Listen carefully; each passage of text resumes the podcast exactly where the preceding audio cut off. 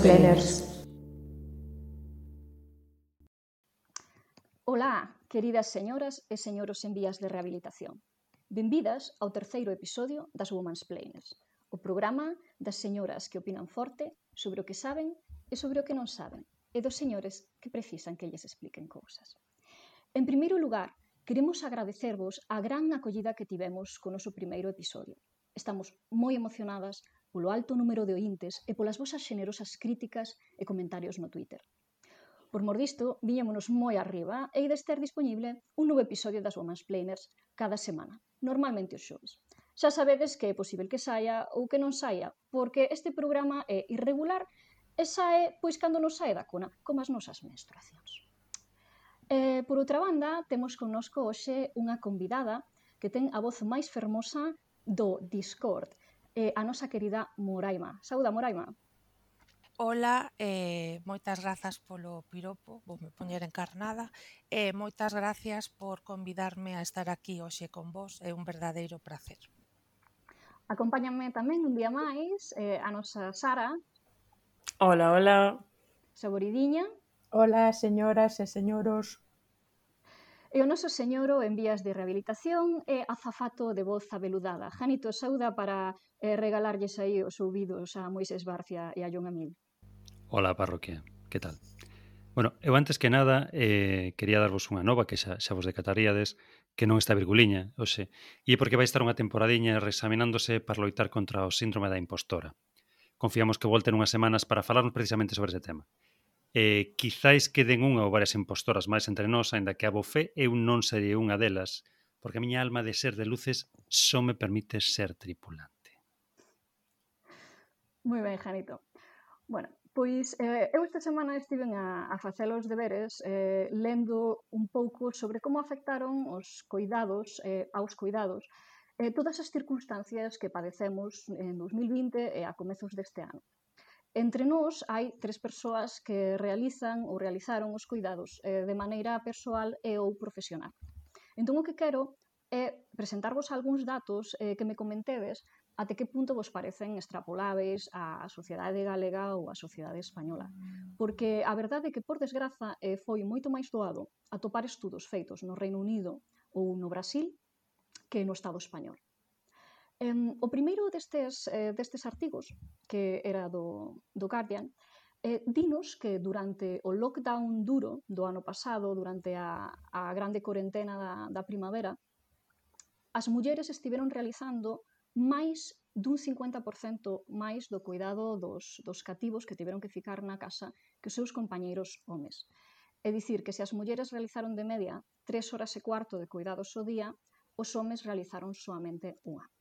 Entón, eu quería preguntarvos se pensades que isto é realista e se pensades que na Galiza está a acontecer ou aconteceu algo semellante. Bueno, eh, eu coido que estes datos poden ser extrapolables aquí a Galiza porque eh, a parte do que influiu o confinamento en todo isto dos, do tema dos coidados en xeral eh, hai estudos que demostran que de media eh, nunha parella, digamos, de heterosexual, de home e muller, eh, cando ambas as dúas persoas traballan eh, fora do fogar tamén, eh, realizan traballos remunerados, digamos, eh, hai estudos que afirman que eh, a muller, neste caso, unha vez que volta a casa, eh, realiza eh, catro veces máis de tarefas do fogar e de cuidados en xeral que, que o home. Mm, eu sí, coido que, por desgracia, estes datos son totalmente extrapolables aquí, e, e que na, durante o tempo de pandemia viuse reforzada, digamos, a figura da muller como dadora de coidados informais.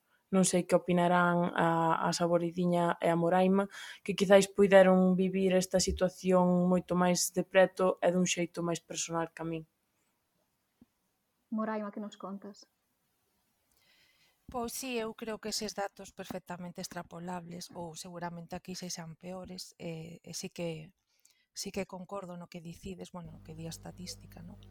que a carga sempre sobrecae máis sobre as mulleres, e máis cando houbo unha corentena obrigatoria na que os nenos e as nenas tiveron que quedar na casa, buscar solucións para entretelos, traballar, organizarse, e todo iso eu penso así polo que máis ou menos coñezo, que realmente o peso máis grande sobrecaeu sobre as mulleres, obviamente. Logo, pois non sei, así, bueno, unha cousa que se me ven agora á cabeza, por exemplo, a hora de ir facer a compra e tal, tamén vin por aí que como que é algo máis, digamos, tradicional das mulleres, pero como que era un pouco, pois nesta cuarentena foi máis cousa dos homes polo feito de o mellor poder sair a, a airearse, digamos, non sei. Pero si sí, concordo plenamente. Sí, Sara. Eu quería facer un aporte ao que di Moraima de facer a compra, porque é moi curioso que nos tempos de pandemia, pois eh, cando había o confinamento, sair á rúa era un privilexio. E chama moito a atención como algo que inmediatamente se converte nun privilexio pasa a ser unha actividade que fan os homes. É dicir, era un privilexio poder sair á rúa, poder sair a airearte, como distí Moraima, e chama moitísima atención que automáticamente algo que era típicamente asociado a un rol eh, feminino de tarefas do fogar, pasan a facer os homes. É que é bastante curioso. Tamén habería que preguntarse, eh, desde ese punto de vista, cando os homes van facer a compra, quen fixo a lista da compra? É dicir, a actividade hmm. física de facer a compra recae nunha persoa, eh, pero quen levou a carga mental desa actividade? Esa era outra, outra pregunta que podemos facernos tamén. Carmen, que nos contas? Eh, pois, a respeito do que acaba de dicer Sara sobre, sobre a compra ou, ou sair, eh, veume a cabeza eh, unha experiencia persoal eh, porque eu, claro, eu, todo o meu puerperio non vou, non vou dicer cuarentena porque cuarentena xa está completamente connotada para, para a pandemia, mas sabedes que despois de dar a luz tes tamén un período non de 40 días que se chama puerperio. Entón aí tiña algunha serie de revisións médicas tanto para min como para como para a nena. E recórdome de, de ter saído coa nena, porque creo que tiñamos ese día pediatra, e, e pasei pola catedral e era un período en que aínda non había máscara obrigatoria, ni nada diso. Entón, eu sí que me sentí nese momento privilexiada por sair, porque ninguén podía sair e tiña ademais como a excusa perfeita porque tiñamos unha visita médica. E lembrome de estar super contenta porque pasara todo o puerperio na casa sen ningún tipo de rede familiar coa que eu antes de, de dar a luz contaba, porque quen pensaba que habíamos de viver nunha pandemia, e en que mala hora se me ocorreu facer unha fotografía de min, unha selfie de min coa miña filla, na rúa, non? para que vexades como son tamén as cousas do dos, do dos cuidados e, e a culpa e a moral, non? porque mm, subí nas redes e o primeiro que me dixeron foi como podes expor a túa filla a un virus mortal? Em, e a parte está sen, más, sen máscara, claro, reitero que nese momento non ninguén falaba de máscara obrigatoria, e a parte está sen luvas, e a parte, e a parte, non sei, e fun ostracizada do Instagram nese momento, porque se me se me puxo como de, de mala nai, non? Cando realmente nos estábamos en todo dereito de seguir porque era unha visita ao pediatra. Entón non sei se todas esas persoas ou homes, non, que saían cinco veces pola barra do pan, eh, se se sentiron tan atacados como a min. E a respeito do dos, do dos cuidados, pois sí, eh, como eu dixen, non, eu eh, dei a luz o día 9 de marzo e despois xa sabedes que eh, houbo isto da, do, do feche e, e do estado de alarme. Entón, eu antes diso contaba, non? Sempre contaba con que, polo menos emocionalmente, aínda que a miña nai e a miña irmán non estivesen comigo físicamente, eh, eu poderia ter visitas dela, eu, delas eu poderia ter eh, o seu apoio, non? E, e con isto da pandemia, pois, vime completamente privada deses, deses apoios, eu como eu e, e tanta outra xente, claro. Eu, bueno, antes de darlle a palabra a Janito, quería comentarche unha cousa que imagino que xa non te, que nin te sentiches moi culpable daquela e agora moito menos, vendo que fai outra xente, pero eh, nese mesmo momento do que ti falas, a miña nai, que traballa, traballaba en atención primaria, estaba a, a atender eh, doentes, ela é auxiliar de, de enfermería, a atender doentes e a facer eh, análisis de sangue, extraccións e cousas destas, bueno, ela traballa no, traballaba iso, no, no sitio de primaria, sen eh, máscara, porque eh, o xefe que tiñan daquela lles dixera que iso das máscaras non servía máis que para crear pánico na poboación. Ese señor que lles dicía que non usaran máscaras, por sorte o xefe de servizo era moito máis razoable eh, e estiveron re reutilizando mm, máscaras higiénicas durante unha semana e algo sí que se protexeron e ninguén se, se contagiou finalmente, pois iso ese señor que lles recomendaba iso é o noso actual conselleiro de Sanidade. Janito, que querías dicir? Mira, unha pregunta. Eh, eh, quedou, creo que revelouse, ese estudo revelan que, que o que o equilibrio o reparto de, bueno, o desequilibrio o reparto de, de, de tarefas eh, durante a durante o confinamento foi máis eh, bueno, a carga foi superior para as mulleres, lóxicamente. Bueno, lóxicamente non como habitualmente, pero vos credes que eh, empeorou, empeorou o reparto eh, durante este 2020 o que levamos de 2021 ou se mantén se mantén o reparto que había anteriormente, que decir, a carga de, de tarefas é superior, porque os nenos pasaron tempo na casa, había que ocuparse da súa escolarización a distancia, eh, empeorou, empeorou o reparto eh, ou simplemente aumentou? Pregunto. Carmen? eu creo que piorou e aumentou un pouco porque mm, tamén a sociedade de hoxe non é a que de antes, non? Onde eu non sei, eu recordo a miña infancia e na miña infancia non era entendido que os fillos eran das nais, e dicir, a min podíame eh, chamar a atención calquera outra nai que fose nai de algún dos meus amigos ou calquera veciño, non? Realmente entendíamos que os nenos eran produto dunha comunidade e responsabilidade dunha comunidade hoxe parece que quen entende algo entende que polo menos son dunha familia, mas moita parte da xente entende que a responsabilidade última case sempre é das nais. Entón as nais, o termos tamén ese desarraigo, que moitas veces non temos unha rede de apoio, porque tampouco por circunstancias da vida vivemos no mesmo lugar en que nascemos, eh, o último apoio que nos tiñamos era a escolarización dos nosos fillos, para poder recuperar un pouco de espazo e tempo persoal Entón, non habendo iso, eh, penso que se desequilibrou todo, non? E máxime cando tamén temos que colocar isto sobre a mesa os ordenados, non? Os salarios dun home e unha muller non son os mesmos e aí tamén sempre está esa carta de se hai que sacrificar, non? A prof o profesionalismo de alguén quen vai ser sacrificado? Pois o que teña o salario menor e quen é esa persoa? Pois normalmente é a muller, non? porque o salario do home eh, é un pouco maior. Falo sempre de, claro, eh, casos de casais heterosexuais, mas isto eh, continúa a ser así. Cando hai algún sacrificio ou alguén ten que ficar na casa, quen fica vai ser a muller, porque se hai que ver os números, os números din que o salario menor é o noso. Moraima, Eh, sí, concordo tamén co que di, exactamente.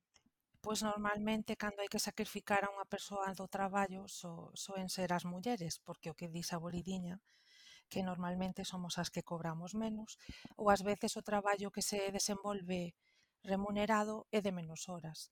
entonces entendo que hubo unha tónica xeralizada de quedar a muller na casa en caso de ter que traballar alguén e facerse cargo dos nenos e nenas. E, e, bueno, tamén un pouco, si, sí, o tema da escola de ter que ter os nenos na casa eh, é complicado. Entendo que hai que organizar pois, unha casa, unha familia, eh, intentar que os nenos e as nenas pois manteñan o seu ritmo de escolarización na casa, eh, entretelos, eh, facer de mestras ou mestres, porque eso sí que foi unha tarefa que tuveron que asumir dende as casas, sobre todo nas cidades máis pequenas, non? Digamos que o mellor os que son un pouco maiores pois teñen máis independencia, pero o mellor nos, non sei, en infantil ou en primaria pois precisaban que houvese unha retroalimentación, que estivesen encima, que dicir, é un traballo que de repente tiveron que adquirir é, é, é complicado cando ao mellor tú pois, non estás formado para iso ou tes outras cousas que facer. E eu en eso si vin que hubo, pois, bueno, bastantes nais que se viron que digamos que revalorizaron a, a postura ou a posición das mestras e os mestres. O sea, valoriz tendo en conta que, bueno, pois que é un traballo que quizáis non, non estaba tan valorado. Non sei. É a sensación que me deu. Si sí, está claro que ademais eh, mm, a miña a miña experiencia, por exemplo, como eh, profesora de secundaria é, é a contraria no sentido que eu non dei o ano pasado non tiña ningún curso por debaixo do segundo da ESO Aí os rapaces teñen un nivel de autonomía moi alta e, e con instruccións, videoconferencias e titorías fora de horario pola miña parte eh, conseguiron sacar o curso moi ben eh, se cadar algúns con máis niveis que outros anos. Pero claro, eh, cando tes un fillo en idade infantil eh, a, eh, a unha videoconferencia ou un texto que non dan lido non pode, non pode sustituir a, a interacción humana. Non? Sara, queres achegar algo neste sentido? Sí, eu respecto a isto que estades comentando da escolarización no fogar, eh, quería engadir que é unha tarefa pois moi importante que require moito tempo que irrumpe, digamos, na, na rutina habitual da, da dinámica de, do funcionamento do fogar e demais, e creo que é algo do que tamén se tiveron que ocupar as mulleres. Eu xa falo por experiencia propia, cando, cando dijo, cando eu era pequena, a que nos axudaba cos deberes, a que se preocupaba de que tivésemos que comprar X libro ou Y libro ou levar tal material ou así, pois era miña nai, porque ao final miña nai era quen estaba na casa e meu pai era quen traballaba fora. E creo que esta dinámica repítese mm, de xeito habitual e, e seguro que, que as mestras e profes que están aquí poden corroboralo ou opinar algo neste aspecto. Eh, sí, eh, pois un pouco tamén darvos a razón niso dos repartos e, e do, do ponto de vista didáctico, non? Porque cando eu tiña eh, tutorías, pois ao final tamén sempre a persoa que visitaba as tutorías era, era a nai, porque ou non tiña traballo, ou tiña menos horas de traballo, e eh, entón tiña máis flexibilidade horaria para, para ir, pero eh, chamábame moito a atención que cando viña un pai, viña un pai porque eh, o que se trataba era dun casal divorciado. Eh, era extraño ver non? que un, un casal eh, onde as cousas funcionase ben e, e que viñese o pai e non a nai, normalmente era a nai. Nesto, como a pregunta que tamén fixestes era dos cuidados na pandemia, pois, tamén penso que teríamos que falar aquí de autocuidados, e falo do, outra vez dos autocuidados da, da grávida, sinto ser un pouco pesada, porque o que sí que me chamou a atención non foi cando despois, eh, cando xa sí que podemos ir á rúa, eu puden sair á rúa en liberdade coa, coa miña filla ou, ou incluso ver familiares. Eh, que moitos amigos e amigas o que me dixeron foi ah, pois que ben, porque o que pasou foi que te librastes de moitas visitas inesperadas de familiares eh, eu nunca sentín que a, a miña familia fose unha carga para min, dicir, eu non, non son unha, unha persoa familiar pero mm, debe ser algo instintivo, ou algo así. Eh, nunca me fixeron tanta falta as mulleres da miña familia nese, nese momento e non as, non as puden ter da maneira que eu, que eu quixe, non? Entón, creo que a pandemia tamén afectou moito os, os autocuidados, porque se, se pensades, por exemplo, na, na adolescencia, o período da adolescencia é tamén unha especie de dor, non? Porque estás, eh, entre aspas, enterrando a nena que ti foches antes, non? Entón, o período de matrescencia é tamén outra especie de dor, porque estás enterrando a persoa que ti fuches antes. E necesitas nesa dor ese acompañamento. E ese acompañamento é tamén un acompañamento emocional do teu grupo de amigos, dos teus familiares. Entón, todo iso, é dicir, redundou non? en que eu creo que moitas nais que tiveron fillos ou fillas cando cando eu tiven a miña nena, pois eu creo que nos sentimos todas un pouco igual, nesa maneira dos, de, de perceber os autocuidados. Carme, hai unha cousa que algunhas das nosas ouvintes tal vez non saiban, que é que ti eh, este ano estás de excedencia polo cuidado eh, da, túa, da túa pequena. Eh, un, ou, bueno, outro artigo eh, que quería que comentásemos, que comentásemos os datos, alo menos, eh, destes que, que atopei no Guardian, eh, que, se, que afecta basicamente ao Reino Unido, e que é máis recente que outro, xa de, de xaneiro deste ano, comentaba que as mulleres eh, neste 2021 eh, ían coller o dobre de, de baixas non remuneradas, de excedencias non remuneradas, que os homes. Eh, vos pensades que estes eh, datos, de novo, que se poden extrapolar a Galiza, ao Estado español, que non, ou que quedan curtos mesmo? Eu creo que son calcados ou extrapoláveis ou iguais, porque no meu caso cando eu pedín a excedencia o que se me o que se me comentou do outro lado da liña telefónica, non, cando falaba así con xente da consellería, é que tiñan moitos casos iguais o o meu eh, ou mesmo, claro, había, había esta casuística ou mesmo tamén a cousa contraria de, xente que si sabe, si xa sabía que había de haber teletraballo, pois no caso ese do, do teletraballo, eh, ao final mm, tamén dicían se hai teletraballo, mm, estade un pouco pendentes do meu caso porque retiro entón a excedencia porque tería que voltar a teletraballar, non? Cando realmente é unha cousa de dicir, non, se ti pides a excedencia, será por estar o cuidado, e se ti retiras a excedencia, vas ter o mesmo cuidado e máis o teu traballo en teletraballo. Entón, iso tamén me pareceu como unha lectura un pouco aí de mm, por que entón non queres o traballo presencial, porque asumes que é traballo, e por que non asumes que o teletraballo é igual ou máis carga de traballo para ti? Que iso tamén é unha pregunta que nos temos... É máis carga de traballo, non? Desde a claramente, experiencia. Claramente, claramente. Sí. Eh, claro. Unha... Eh, unha cousa curiosa é, bon, en que medida as mulleres nos sentimos atraídas eh, por profesións eh, que están altamente feminizadas e onde non nos facemos ricas, pero que alo menos nos dá a seguridade de que temos dereitos a certo tipo de excedencias e que hai comprensións cara a elas, como acontece no ensino unha administración pública. Non? Moraima, que nos contas? Ti tamén estás connosco nestes eh, traballos feminizados. Sí, exactamente, se somos mm. pois teño dúas amigas que tamén se viron na mesma tesitura, tiveron nenas aí, pois inda a última cumpriu un ano. E claro, atopouse co tema de que os seus pais son moi maiores, moito, e, e non tiña con quen deixar a nena. E claro, levarlle aos seus pais tendo o traballo de mestra que interaccionas con moita xente, pois preocupáballe bastante. Entonces estuvo cuestionándose se si coller unha excedencia tamén temporal por cuidar da súa filla e non poñer en risco os seus pais. E coñezo outra tamén que se viu tamén na mesma tesitura.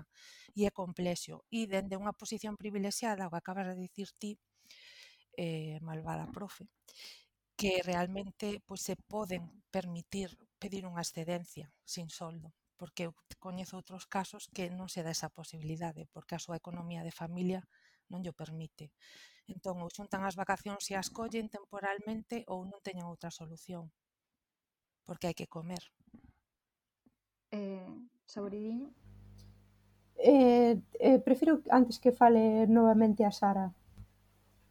Ah, vale. Nada, eh, eu quería dicir que se falamos de sectores feminizados temos que falar, por suposto, da enfermería porque, vamos, eh, é un sector claramente, claramente eh, de predominio feminino e si, sí, eh, eu teño que dicir que moitas das miñas compañeiras están non con excedencia pero sí con reducións de xornada porque entre que a compatibilidade entre o traballo e o cuidado das fillas eh, moitas veces nunha situación normal sen pandemia xa é complicado de por sí, porque o tema da conciliación non é doado, entón tamén é a muller eh, moitas veces a que decide reducir a súa so, eh, xornada laboral para cuidar as fillas. Pois eh, nun contexto de confinamento no que as nenas están na casa e demais, si que se viu, eh, ou polo menos eu no meu entorno vivín, un aumento de, da solicitude de reduccións de xornada, de un tercio de xornada ou de media xornada, porque, bueno, os ingresos moitas veces eran necesarios ou incluso máis necesarios aínda que noutras circunstancias, pois porque a outra parte da parella estaba en ERTE ou que for, ou mesmo quedara no paro.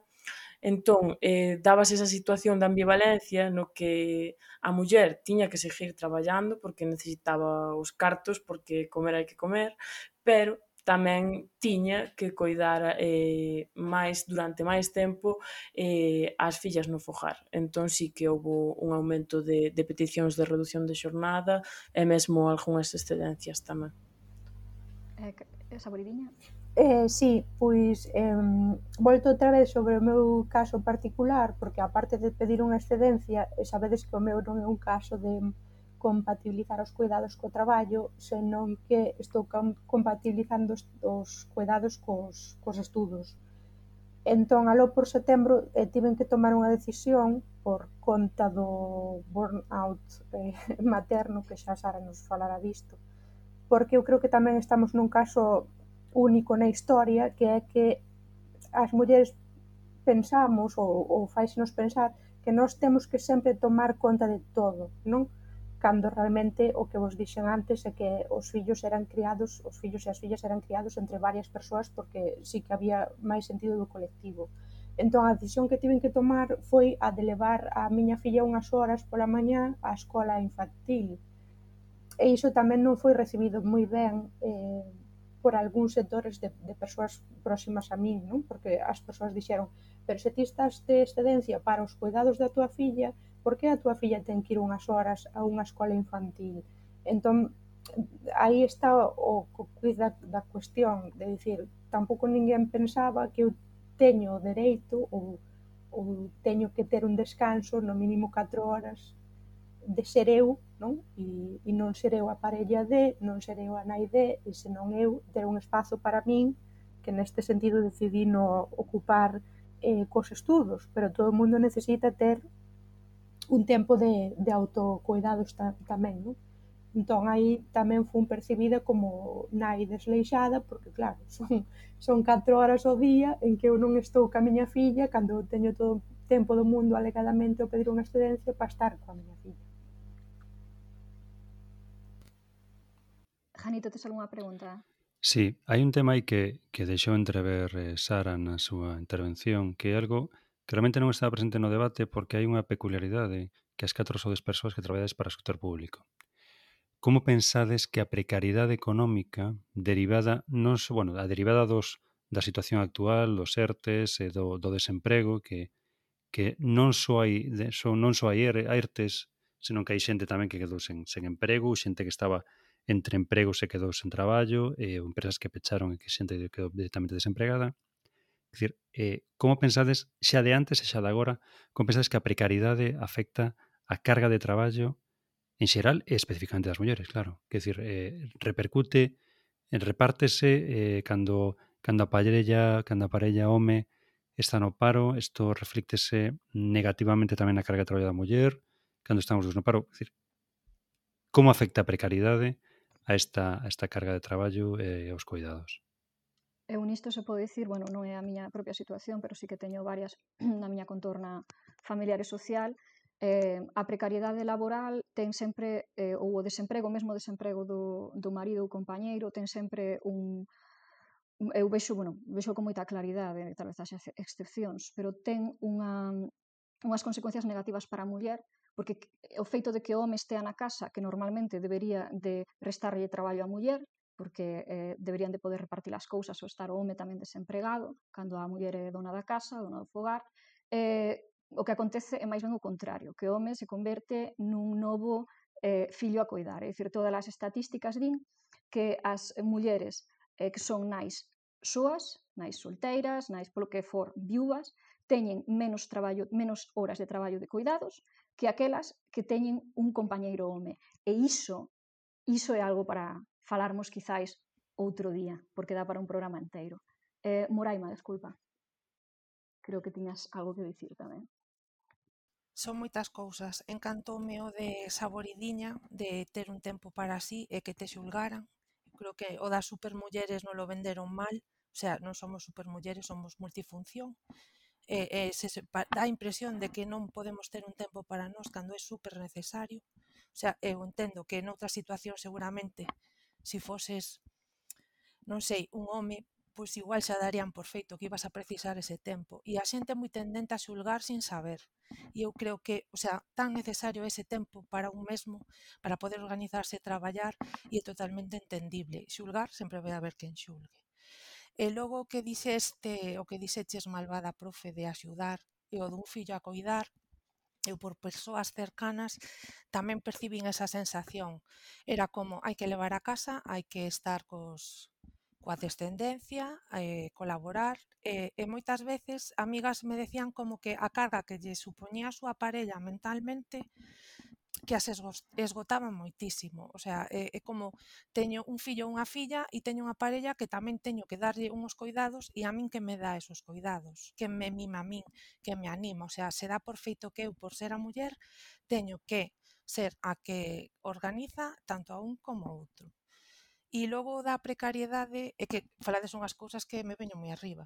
Eh, o da precariedade tamén sí que así de cerca o vin eh, de familias que de repente pois, se viron que estaban os dous sin emprego e que pois, o subsidio que puderan recibir tampouco era suficiente e, e xente traballando horas de máis para compensar cousas que non deberían compensar ou persoas que por ter que quedarse en casa para cumprir unha cuarentena dun fillo ou unha filla, pois no traballo lles dixeron que eran as súas vacacións.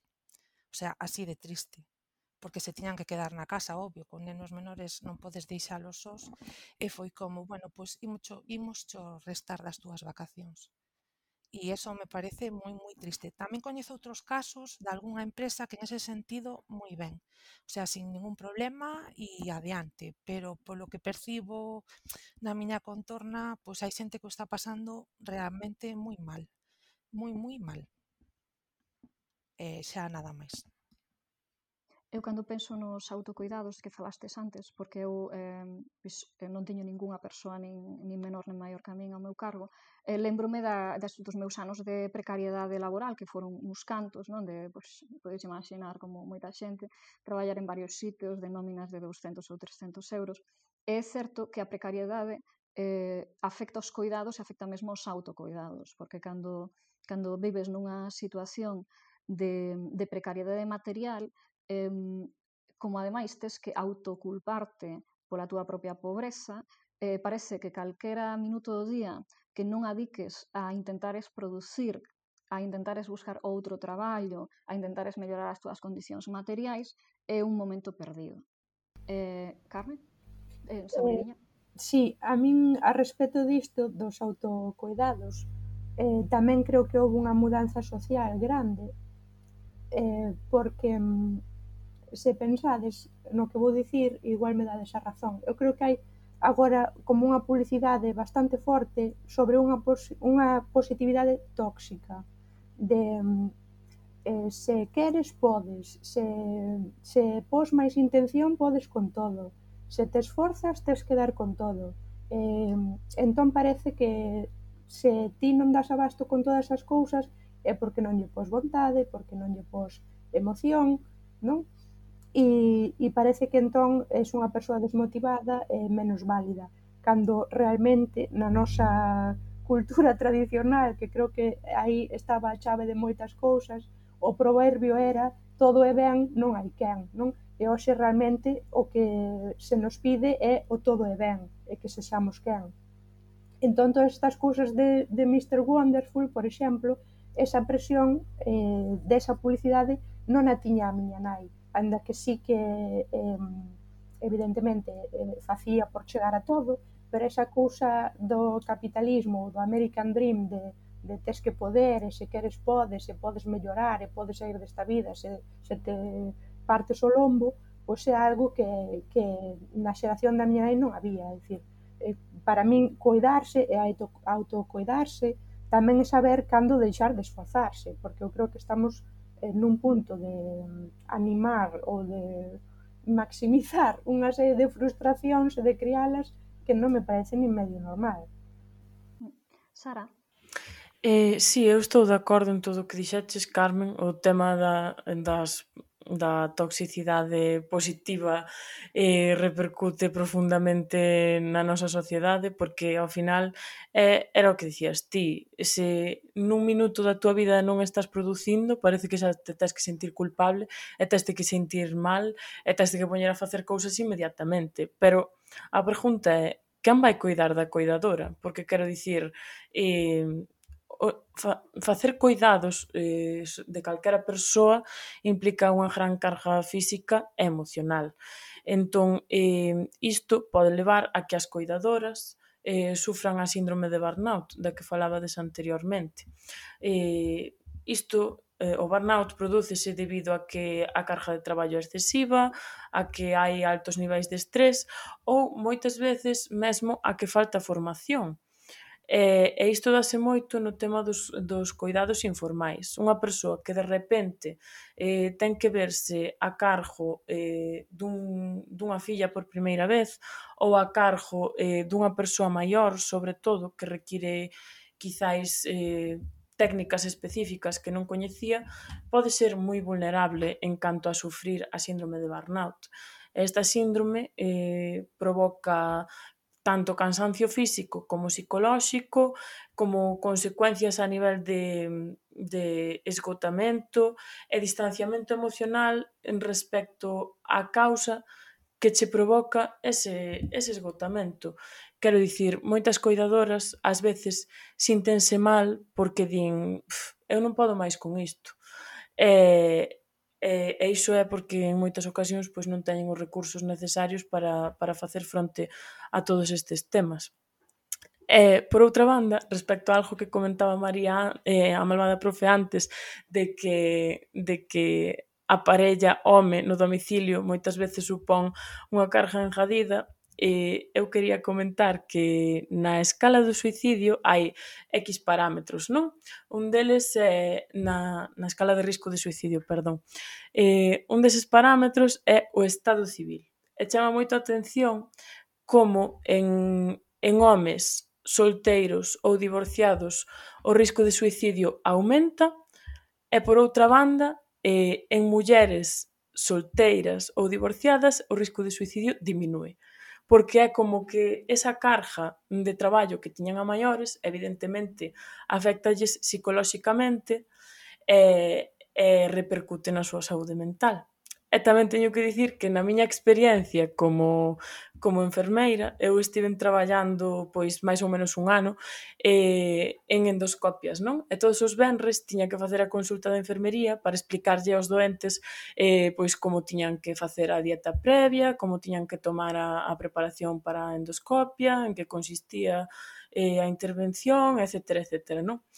E chamame moitísima atención que cando viñan eh, o marido e a muller, E moitas veces o marido despreocupábase, era en plan: "Non, cóntallo á miña muller que ela é a que se entera desas cousas" ou "ela é a que se encarga diso". E moitas veces cando xa estábamos en en corentena, en pandemia, co tema das máscaras, co tema das distancias, só se permitía que entrase unha persoa na na consulta, non? Era en plan: "Bueno, que entra a miña muller que se entera mellor". Eu: pero se va a ser ti o que che van facer a proba, és un ser humano adulto e suponse que funcional, pero a verdade é que chamaban moito a atención esas situacións. Eu teño unha última pregunta para todas, eh, porque hai varias persoas presentes que teñen eh, experiencia xa non en cuidado de menores que máis ou menos do que estábamos falando até agora, o cuidado dos fillos e en parte eh, das parellas, eh, senón cuidado de persoas maiores e doentes. Eh, vos pensades que a contorna familiar e a contorna social amosa máis ou menos apoio cando as persoas que teñen que ser cuidadas son maiores e doentes que cando son crianzas. Eh, Moraima, queres eh, comentarnos algo ao respecto? A ver, eh, me parece super interesante todo o que dixo Sara, o sea, encantoume o dos cuidados, o da falta de experiencia e técnica, o do distanciamento emocional, o sentimento de culpabilidade, porque moitas veces as persoas están tan queimadas que se sinten mal, pero ao mesmo tempo ese sentimento de culpabilidade de pero eu non son a persoa que está enferma. Quer dicir, debería ter outra actitude, pero chega un punto que entendo que entras nunha espiral, non? Que, que se volve todo como moi escuro e logo pois o eu creo que nesta cultura galega que temos eh co cuidado das persoas maiores é como que algo é a túa obriga, non sei como explicalo. Eh, o sea, hai moita xente que é moi reacia a mandar a familiares a unha residencia, que seguramente van a ter uns cuidados máis especializados, non xa só me refiro á cuestión económica, sino porque é a túa responsabilidade, o sea, é o seu fillo ou esa, a súa filla, normalmente a súa filla, e tes que cuidar a esa persoa. E tes que sacrificar a túa vida por cuidar a esa persoa porque é a túa obriga. E socialmente É, o sea, é esa visión. Eu coñezo casos, pois, o mellor de, de persoas que precisan moitísimos cuidados, o sea, xa non só ter unha enfermeira pois unhas certas horas na casa ou alguén que lles vai axudar polas noites e que se negan en rotundo a levar o mellor a esa persoa a unha residencia ou un lugar onde estaría super ben atendida porque sería unha vergoña que ian dicir os veciños ou as veciñas. E moitas veces é iso, o sea, recae sobre persoas que non teñen experiencia, que non saben, o fan o mellor que poden, pero o mellor non saben cal sería a mellor maneira.